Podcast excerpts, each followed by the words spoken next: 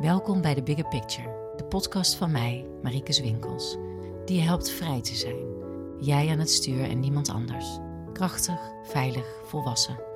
Zelfverzekerd en vol zelfliefde, met overzicht en inzicht navigerend door deze wondere wereld van nu. Nou, goedemorgen. Het is hier helemaal wit buiten. Ik deed de gordijnen open vanochtend. En ik dacht, oké, het heeft weer gesneeuwd. ik was eigenlijk wel toe aan zo richting uh, voorjaar, maar ik denk dat ik nog even moet wachten. Uh, mijn stem klinkt waanzinnig verkouden, want dat uh, komt omdat ik ook waanzinnig verkouden ben. Maar ik dacht, ja, nou kan ik wachten met het opnemen van deze podcast. Of ik kan gewoon dat maar doen. Want ik heb helemaal geen zin om te wachten. Er is namelijk in deze roerige tijd, waarin de kranten vol staan over burn-out, zijn er weer zulke mooie onderwerpen aan bod gekomen afgelopen week, anderhalf week. En uh, ik wil die toch wel met je delen. Dus uh, daar gaat hij. Er zijn namelijk nogal wat misverstanden over goed voor jezelf zorgen. En in uh, met name één gesprek met een met een van de mensen die een intensive traject doen, kwam dat uh, best wel schrijnend naar voren. En heel fijn eigenlijk dat we dat konden bespreken, want het gaf heel veel lucht en uh, ah, ontspanning.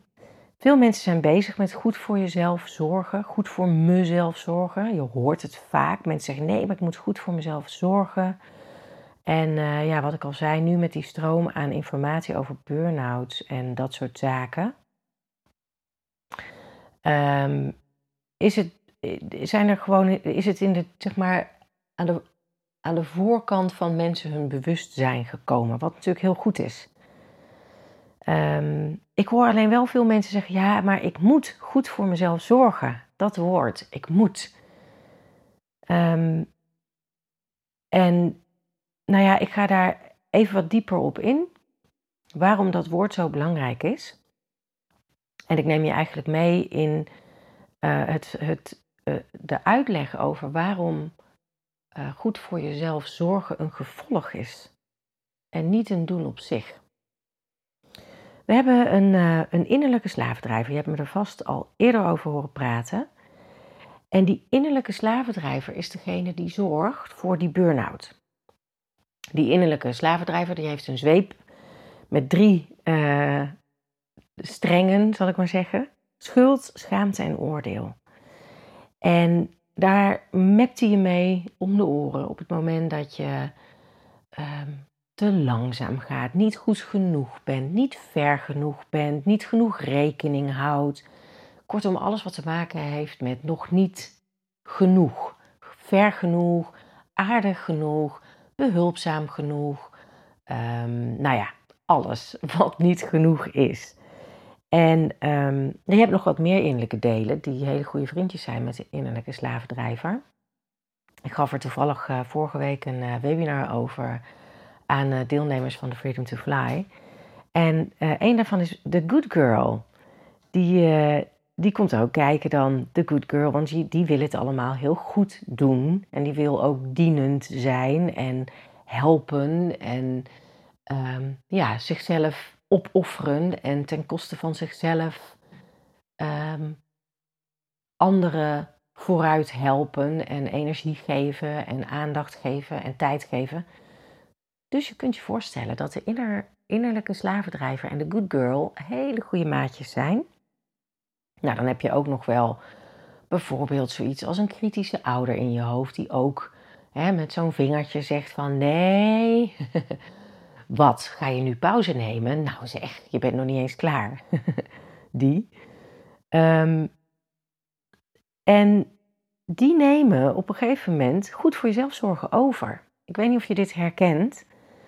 Um, ineens hoorde ik klanten praten over: ik heb het slecht gedaan, want ik heb een glas wijn gedronken. Ik heb deze hele week suiker gegeten. Um, ik heb niet in het bos gewandeld, terwijl ik weet dat het zo goed voor me is. Ik heb te veel Netflix gekeken. En nu, nu is het mijn eigen schuld. Wat ben ik toch stom. Oordeel, hè? Ik ben stom, dat is oordeel. wat ben ik toch stom dat ik het elke keer weer verkeerd doe. Of het is mijn eigen schuld. Schuld. Ik zou het beter moeten weten. Schaamte. Oftewel, schuld, schaamte, oordeel. Inner slave driver. En uh, die gaat gewoon door. Um, met andere woorden, op deze manier werkt het niet.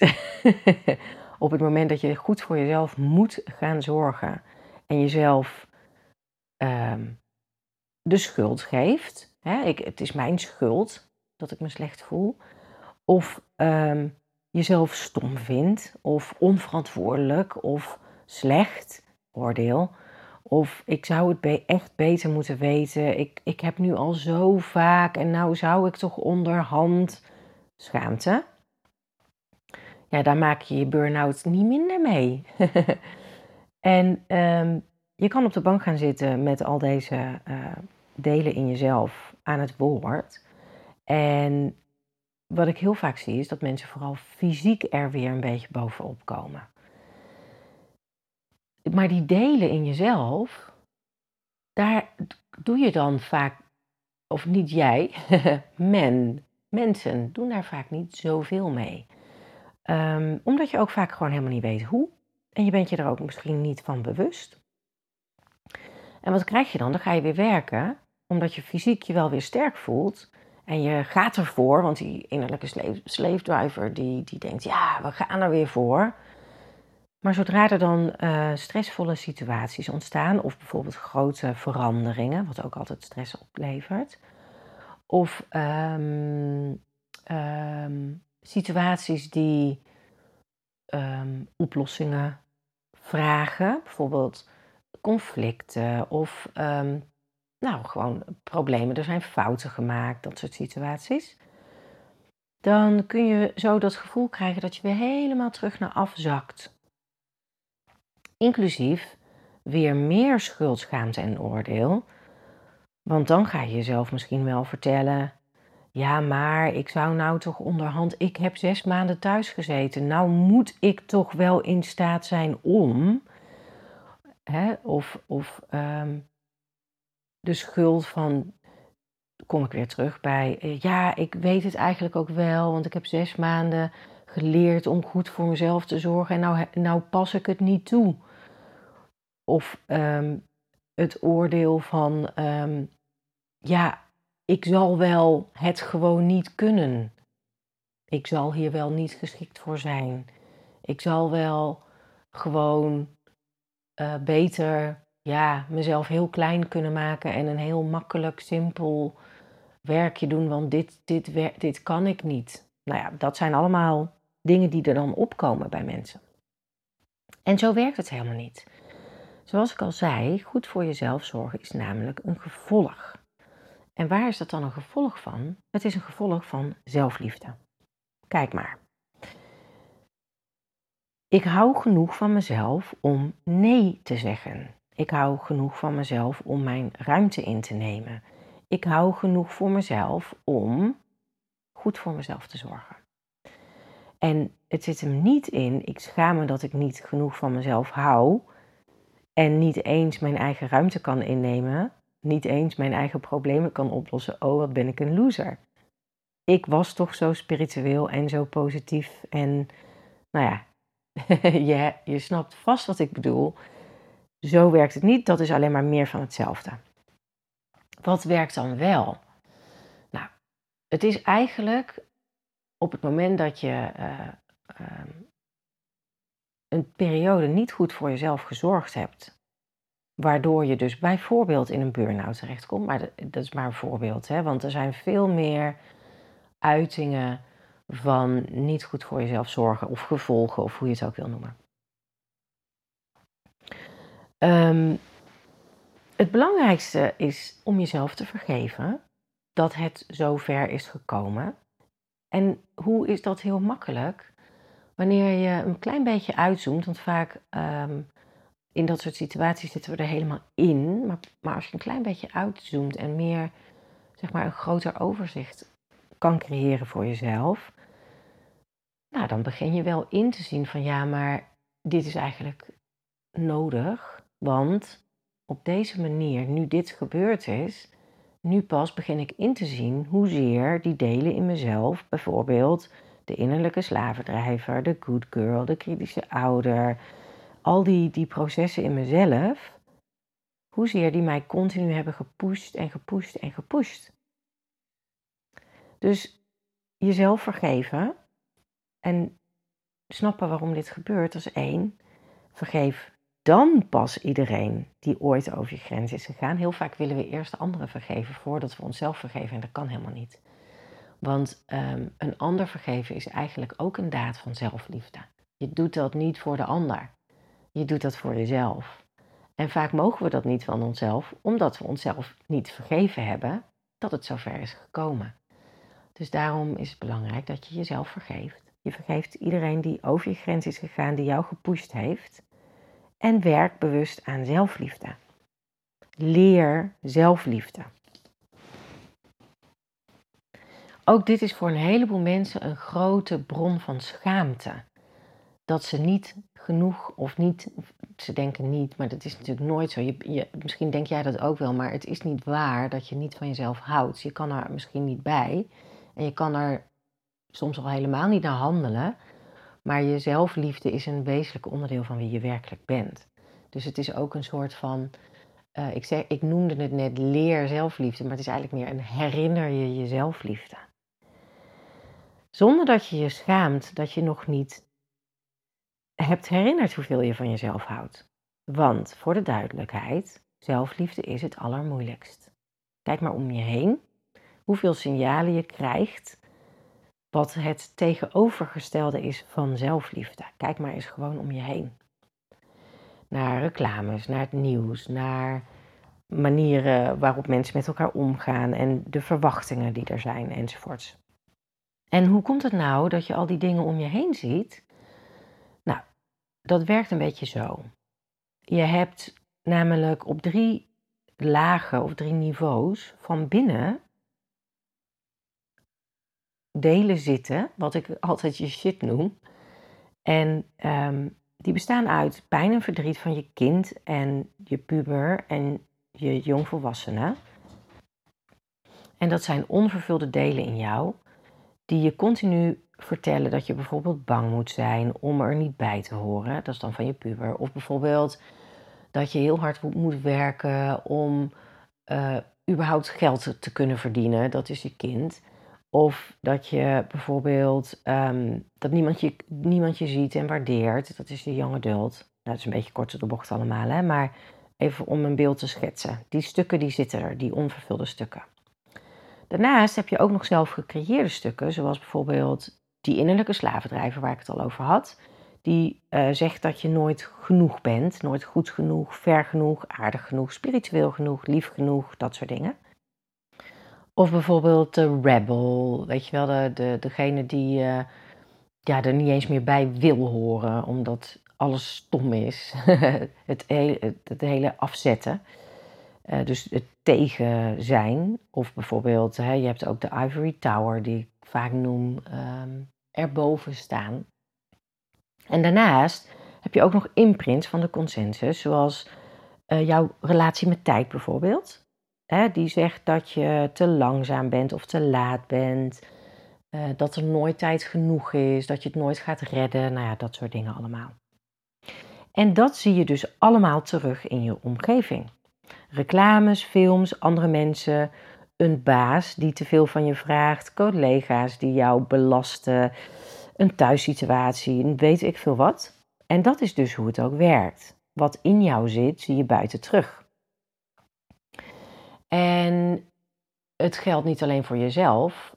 Uh, in feite kan je zeggen, alles wat in iedereen zit, zie je buiten terug. De hele, de hele buitenwereld is één grote manifestatie van al onze innerlijke stukken en delen en, en onze innerlijke wereld. Nou, ruim je stukken op, ruim je shit op, hè, zie onder ogen wat daar allemaal zit, ga naar binnen Werk aan zelfliefde en focus daarop. Als je dan niet gaat wandelen, zoek dan in jezelf naar dat deel in jou wat niet wil wandelen. Kijk gewoon wat het is wat niet wil wandelen. Onderzoek het. Hou van dat stuk. Dat is zo anders dan zeggen: Oh, wat ben ik toch slecht en stom dat ik weer niet ben gaan wandelen, ook al weet ik dat het goed voor me is. Ik zorg niet goed voor mezelf. Eet je te veel suiker? Ga naar binnen. Zoek naar dat deel in jou wat suiker wil eten. Kijk wat het is. Onderzoek het. Hou van dat deel. Heel het. Ruim het op. Laat het los. Wat ook maar nodig is. Hè? Zoveel beter dan jezelf weer op je kop geven omdat je te veel suiker hebt gegeten. Nou, ga je laat naar bed. Zelfde verhaal. Ga naar binnen. Welk deel in jou wil laat naar bed? Wat gebeurt er met je? Als je dat gaat doen, dan veroordeel je niks meer in jezelf. Doe dat ook. Veroordeel niks. Schaam jezelf nergens voor. Kijk en onderzoek en vind manieren om meer van jezelf te houden. Van elk stuk in jou. En dat is wat heling is. Ehm, ik zei het al, hè. Het is niet zozeer dat jij niet van jezelf houdt. Het is meer dat je vergeten bent dat je van jezelf houdt. Er zitten laagjes over of, of weet ik veel wat. Heling is niet zozeer dat je kapot bent en weer heel gemaakt moet worden. Het is meer dat je gewoon je shit opruimt. een soort van, oké, ik ga onder ogen zien van wat ik mezelf allemaal heb wijsgemaakt. En dan, dan komt op een gegeven moment voor jezelf zorgen vanzelf. Dan is het geen taak die jij moet uitvoeren. iets wat ook nog moet. Oh ja, dan moet ik ook nog voor. Ik heb dat zo vaak gezegd vroeger. Dan zei ik van, uh, ja, weet je, en zeker toen ik kleine kinderen had. Nu heb ik grote kinderen, maar toen ze nog kleiner waren en je echt zo overspoeld kan worden door wat je allemaal moet doen, zei ik echt heel vaak. En ik moet, en ik moet zo laat opstaan en dan moet ik dit doen en dan moet ik dat doen en dan moet ik dit doen en dan, en dan moet ik ook nog voor mezelf zorgen. en dan, ja, dat, dat, dan, dan, is het, dan is het weer iets wat je op je lijstje erbij zet. Weer iets waar de innerlijke slavendrijver helemaal los op kan gaan. Maar wanneer het een logisch gevolg is van zelfliefde, is het een. Um, wanneer je. Sorry, wanneer je het kan zien als een logisch gevolg van zelfliefde, dan ga je je focus verleggen op ik moet voor mezelf zorgen naar waar kan ik meer van mezelf houden. En kijk gewoon uit, hè? want voordat je het weet ga je zeggen: Ik moet van mezelf houden. Dat kan ook niet. Dat is net zo min, uh, hoe noem je dat? Constructief als zeggen: Ik moet voor mezelf zorgen. Je houdt van jezelf, of je hebt je herinnerd van jezelf te houden voor zover je het je herinnerd hebt. Punt. Niet meer en niet minder.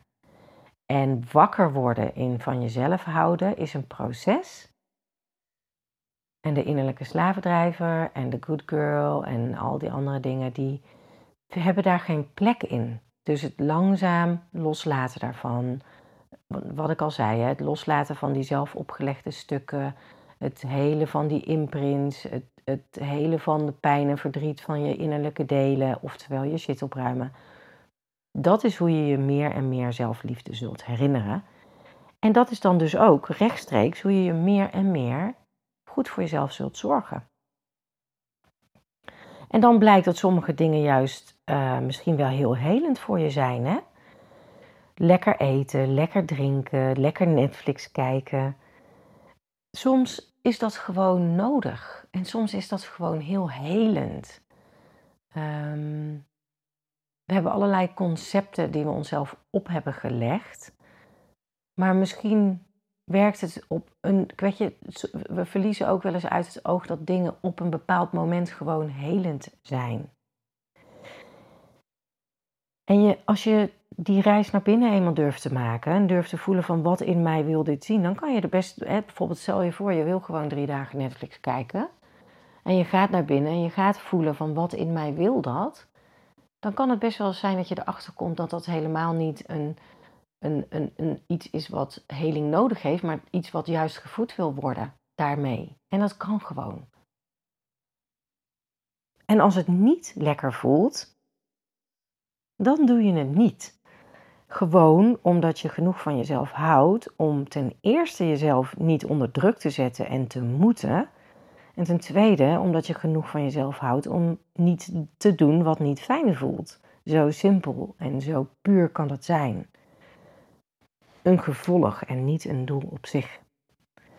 Nou, ik hoop dat ik je met deze podcast wat inzichten heb kunnen geven over hoe juist de innerlijke slavendrijver en de good girl en al die andere shit het helemaal kunnen overnemen als het gaat over goed voor jezelf zorgen.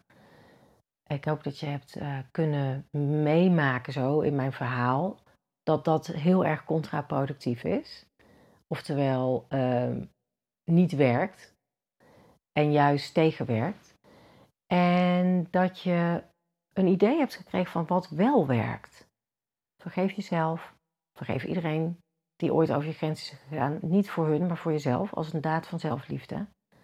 En dan wil ik ook even wijzen op de podcast van vorige keer over woede en razernij en hoe die er ook gewoon mogen zijn.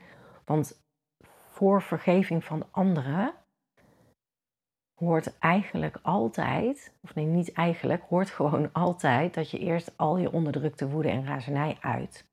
Want anders is vergeving gewoon een andere manier om te onderdrukken. Dat wou ik wel even noemen. Want ook dat is een misverstand waar ik eigenlijk gewoon een hele nieuwe podcast aan kan wijden. En dat ook vast en zeker een keer ga doen. dus, maar naar jezelf toe niet. Ben liefdevol naar jezelf. Vergeef jezelf gewoon. En voor jezelf vergeven heb je dat overzicht nodig.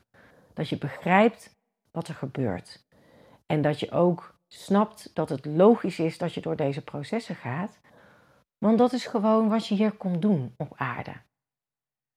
Langzaamaan alle sluiers eraf, jezelf bevrijden van al die shit en gewoon weer weten wie je bent en weer houden van jezelf. Jezelf herinneren dat je echt van jezelf houdt en dat voor je goed voor jezelf zorgen gewoon normaal en natuurlijk is voor jou.